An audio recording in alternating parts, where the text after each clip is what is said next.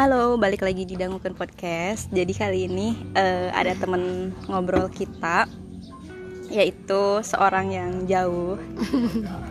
Boleh diperkenalkan diri dulu? Jauh banget ya bun ya Ah, banget bun. Eh, Hai guys, nama aku Ranesa Danavisa Eh, Aku dari Bandung Yang dari dulu pengen banget ya kita podcast kayak gini Iya. Tapi susah banget ya di waktunya Oh.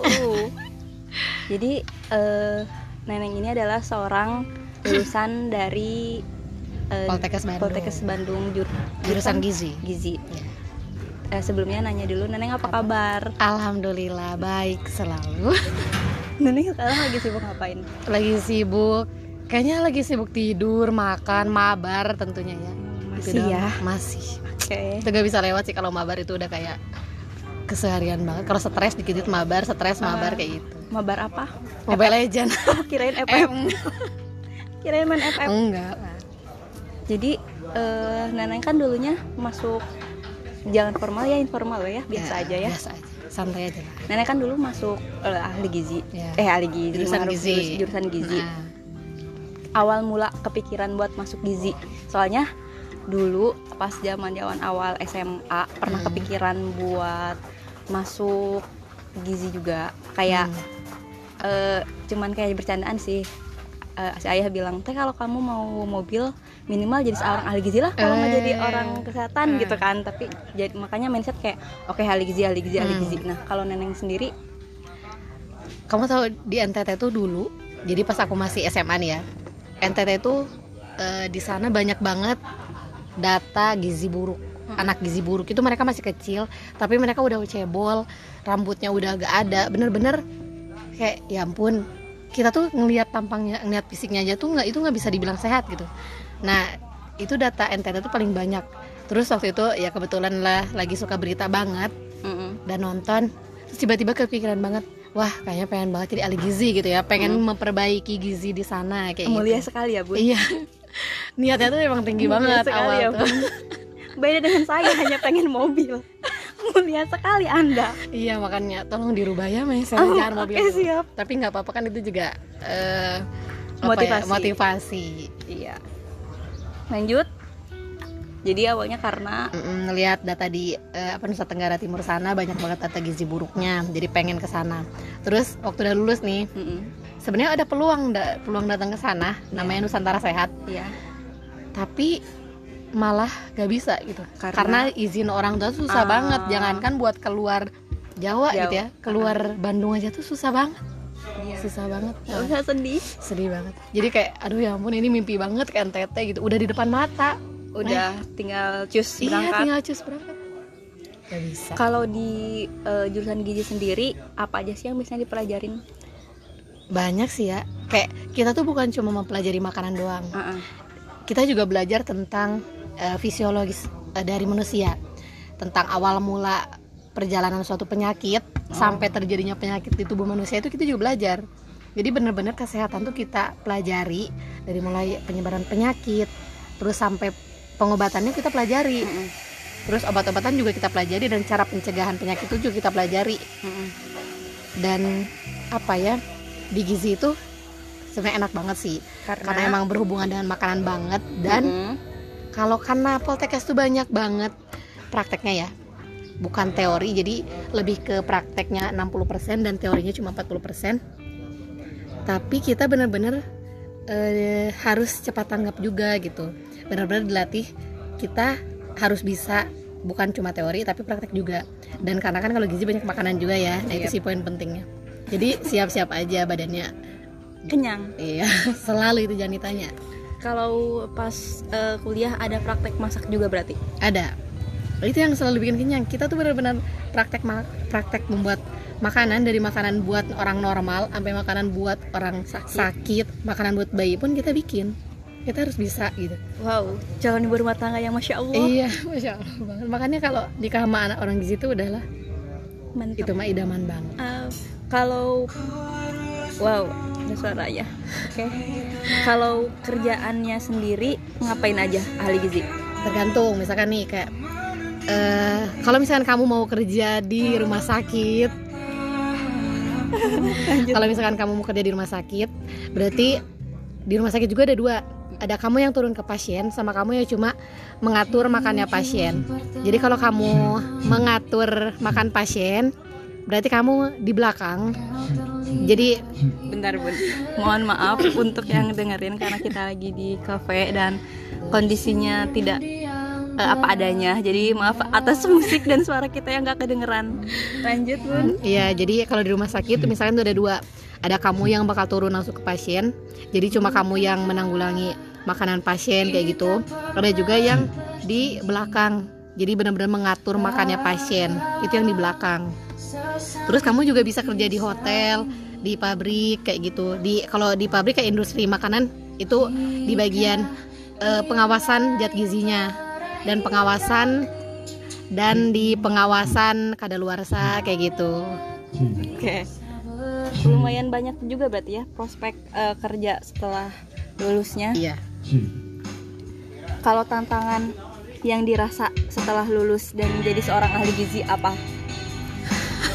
Kalau tantangan mungkin karena kita tuh sering banget ya kalau di puskesmas kayak gitu kita sering banget eh, apa kayak bentrok sama jurusan lain. Jadi yang seharusnya itu diisi sama ahli gizi tapi diisinya sama jurusan lain kayak Berarti gitu. tenaga profesionalitas ya. Iya, kayak gitu sih. Kalau misalnya kan berarti Anda udah punya title sebagai seorang ahli gizi nih. Iya. Ada beban tersendiri nggak? Soalnya kalau aku sendiri jujur eh, karena seorang lulusan dari guru ya, ada beban untuk bahwa ngajar itu nggak Oh, gampang iya, iya, gitu iya. makanya itu yang alasan sampai sekarang eh, belum mulai terjun buat ngajar dan akhirnya milih buat kerjaan yang lain gitu kalau buat nenek sendiri tantangan sebagai eh, seorang tersendiri eh apa sih Ahli gizi. Eh, eh, bebannya bebannya lebih lebih- Kayak gini ya. Eh, Kita kan memberikan makanan, kita mengatur makanan ke pasien. Hmm, eh, orang sakit itu ya lebihnya. Ki- Kalau kita salah dikit aja salah ngasih diet, itu kayak fatal banget buat metabolisme tubuh pasien. Iya. Itu bisa memperparah penyakit pasien. Makanya kayak eh, buat keluarga aja tuh kita ngasih eh, diet buat makanan keluarga tuh kadang aduh ini bener gak ya gitu ngasih makanannya bener gak ya kayak gitu jadi kayak lebih ke aduh takut salah gitu ngasih diet ke pasiennya lebih kayak gitu sih Oke. Ber- Tapi berarti masih sering eh, di rumah. Ah, sumpah ini sorry banget ya. Ini di luar Makin kontrol kenceng ya, kita. Bun. Eh, sementara ini tempatnya nggak terlalu gede sih, tapi sebenarnya dan kalau buat suaranya nggak bis- bisa nggak terlalu gede juga, mantep gitu. Tapi oke. ini main eh, mitos atau fakta. iya Ah, aku pengen marah, aku pengen teriak. Ah, tolong dong kecilin sedikit. Mitos atau fakta ya? Kita ya main. oke Mitos atau fakta makan kangkung bikin ngantuk.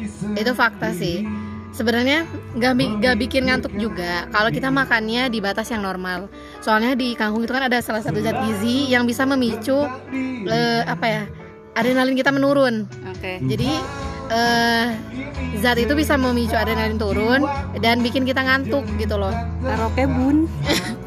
serius sekarang Serius. Lanjut. Eh. Vitamin C bisa eh, sembuhin flu. Mitos atau fakta?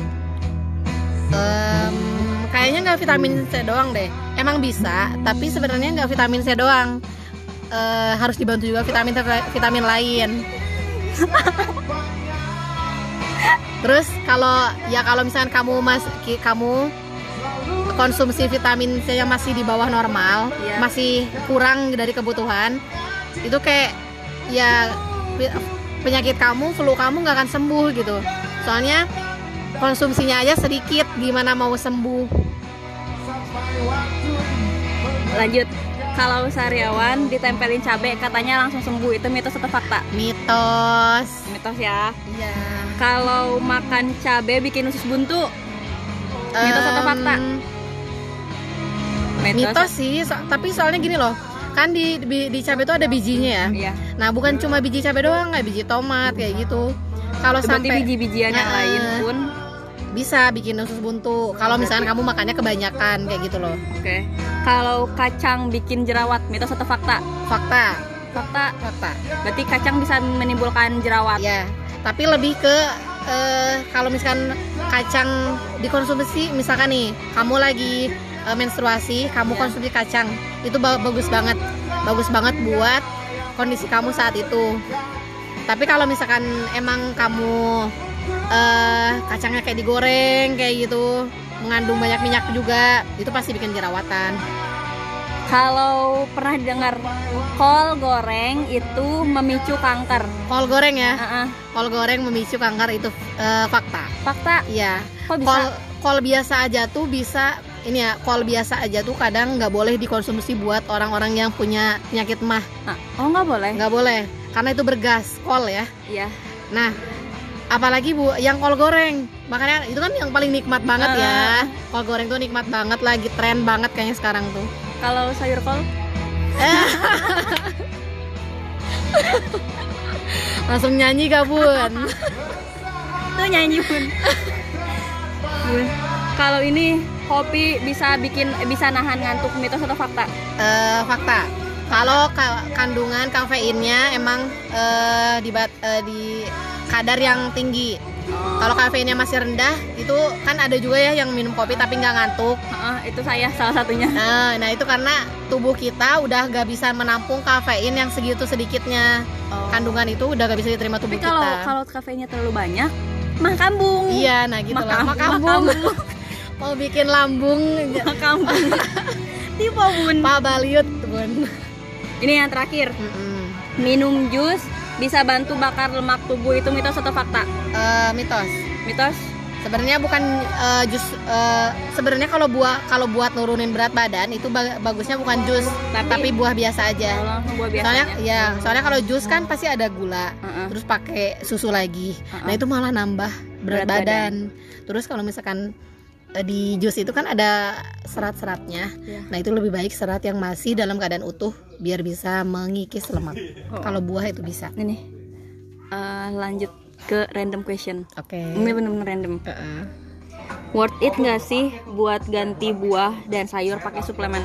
Soalnya aku males banget makan sayur dan buah. Jadi kayak makan sayur tuh cuman kalau di rumah masak sayur dan makan buah tuh kalaupun ada buahnya jarang makan gitu. Jadi buat ngeganti buah pakai suplemen itu worth it nggak? enggak Enggak. enggak itu nggak baik nggak seimbang buat tubuh kita nggak seimbang Kalau ini nih bedanya garam dapur sama sea salt Nah, apa?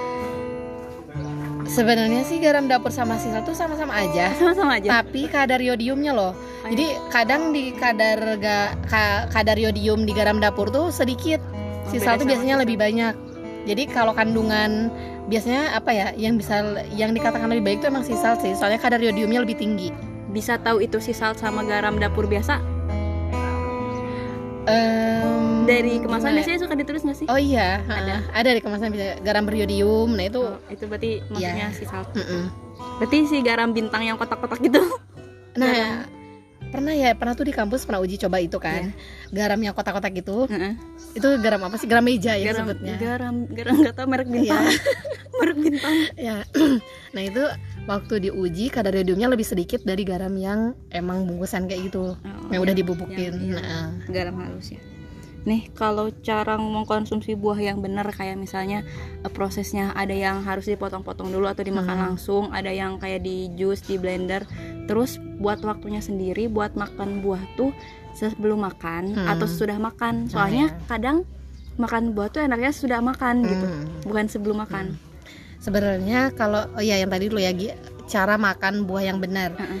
nah kadang orang-orang tuh suka kayak apel apel biasanya dikupas ada yang dikupas dulu kulitnya Ya. padahal mereka tuh sebenarnya serat paling tinggi itu ada di kulit kulit buah itu loh Oh, di oke. kulit apel kayak gitu jadi emang bagusnya tuh nggak di nggak dikupas tapi dicuci aja Oh, di aja. Mm-mm. Berarti langsung dimakan, dimakan Mm-mm. langsung. Terus kalau buat waktunya, nah ini tergantung kamu makannya buah apa.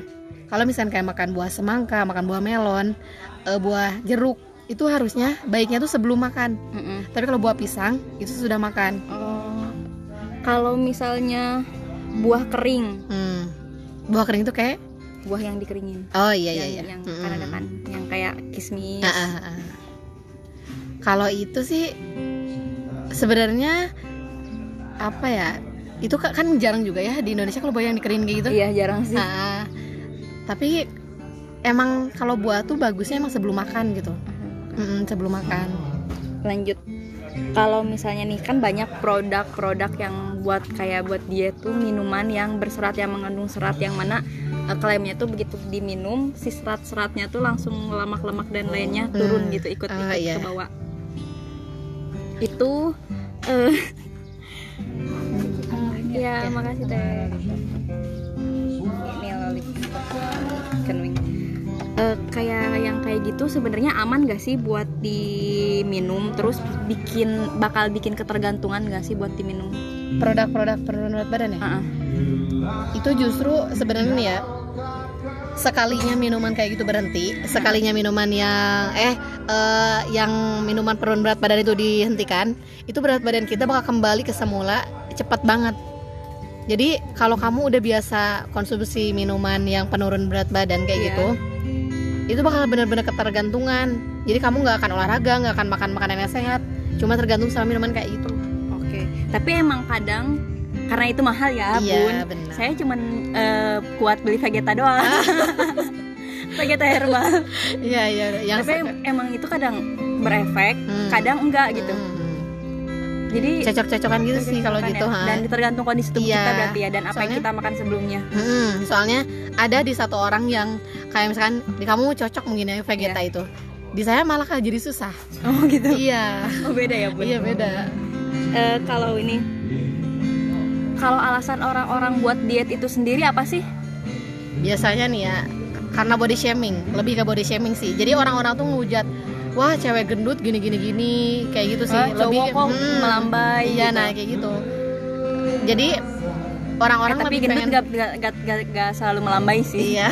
Itu stereo, stereotip Ah, kan? stereotip. stereotip stereotip. Stereotip ya. Iya begitulah. Eh, jadi kayak lebih eh, karena body shaming sih terus karena dia ngelihat orang lain kalau biasanya ca- apa langsing itu identik sama cantik kayak gitu.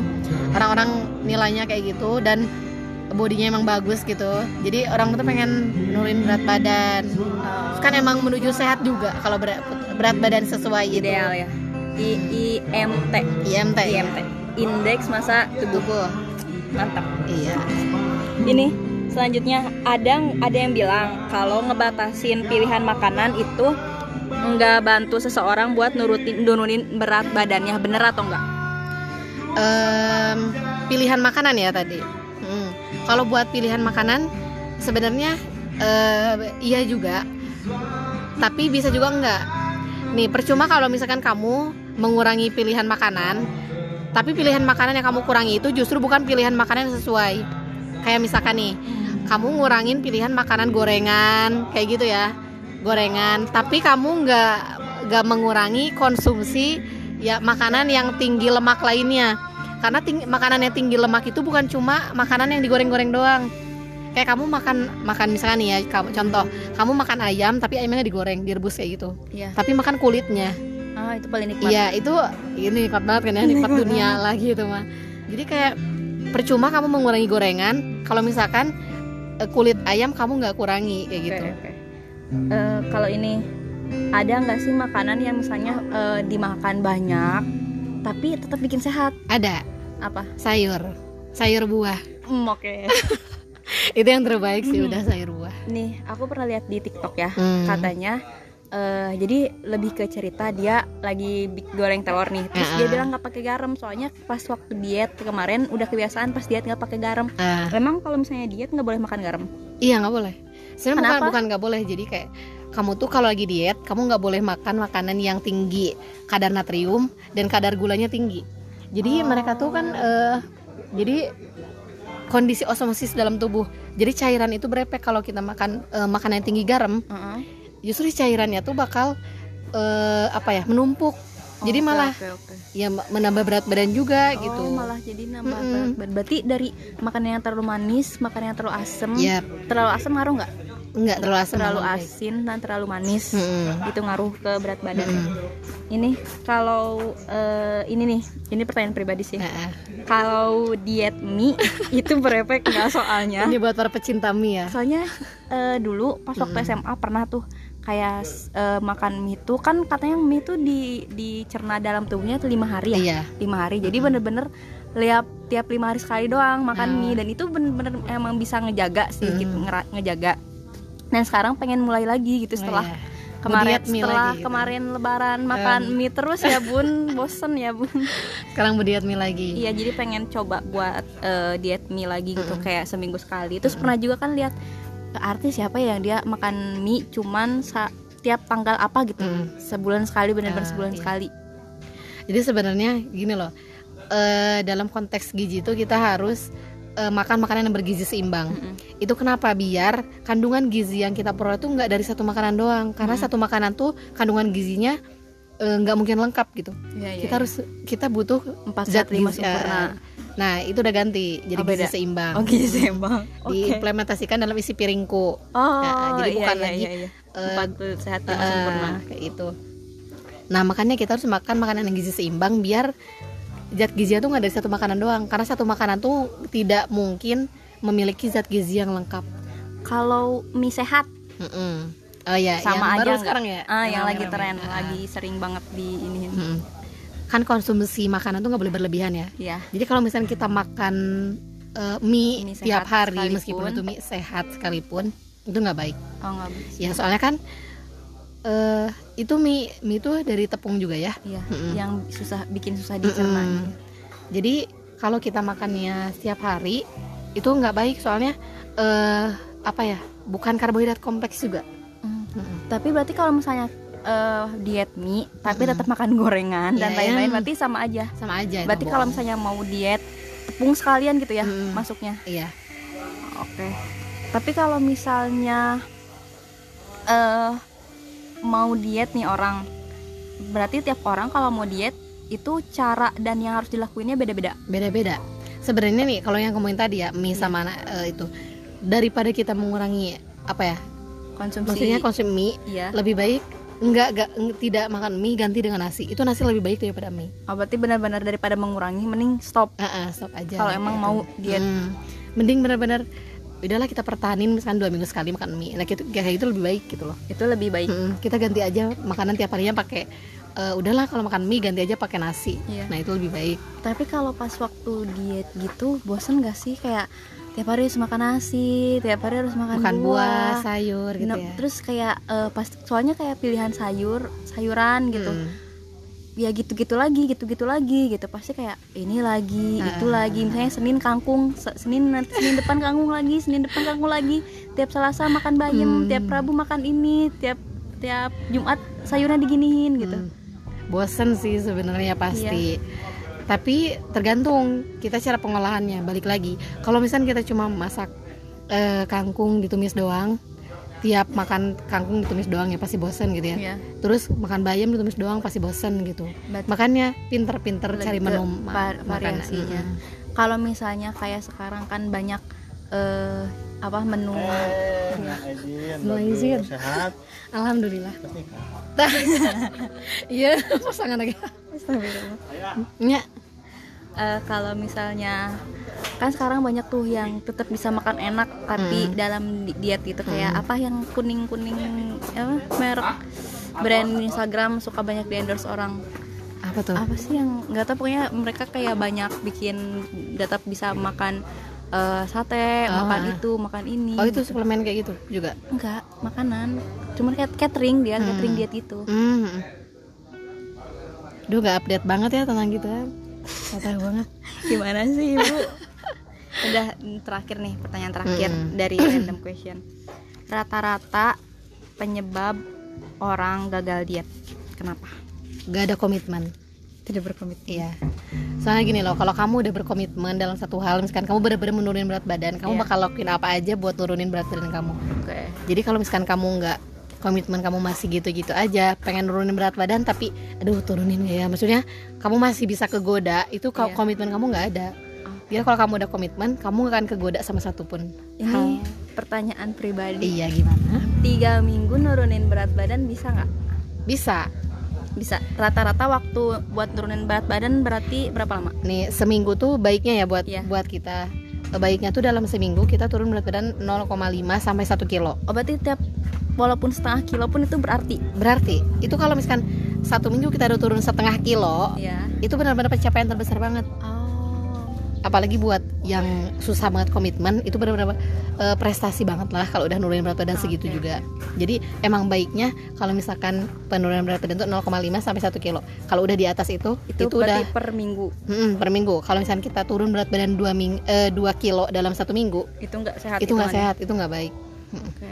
jadi kayak eh, sebenarnya kamu bukan menurunin berat badan tapi kayak kehilangan berat badan yang drastis Oh iya iya.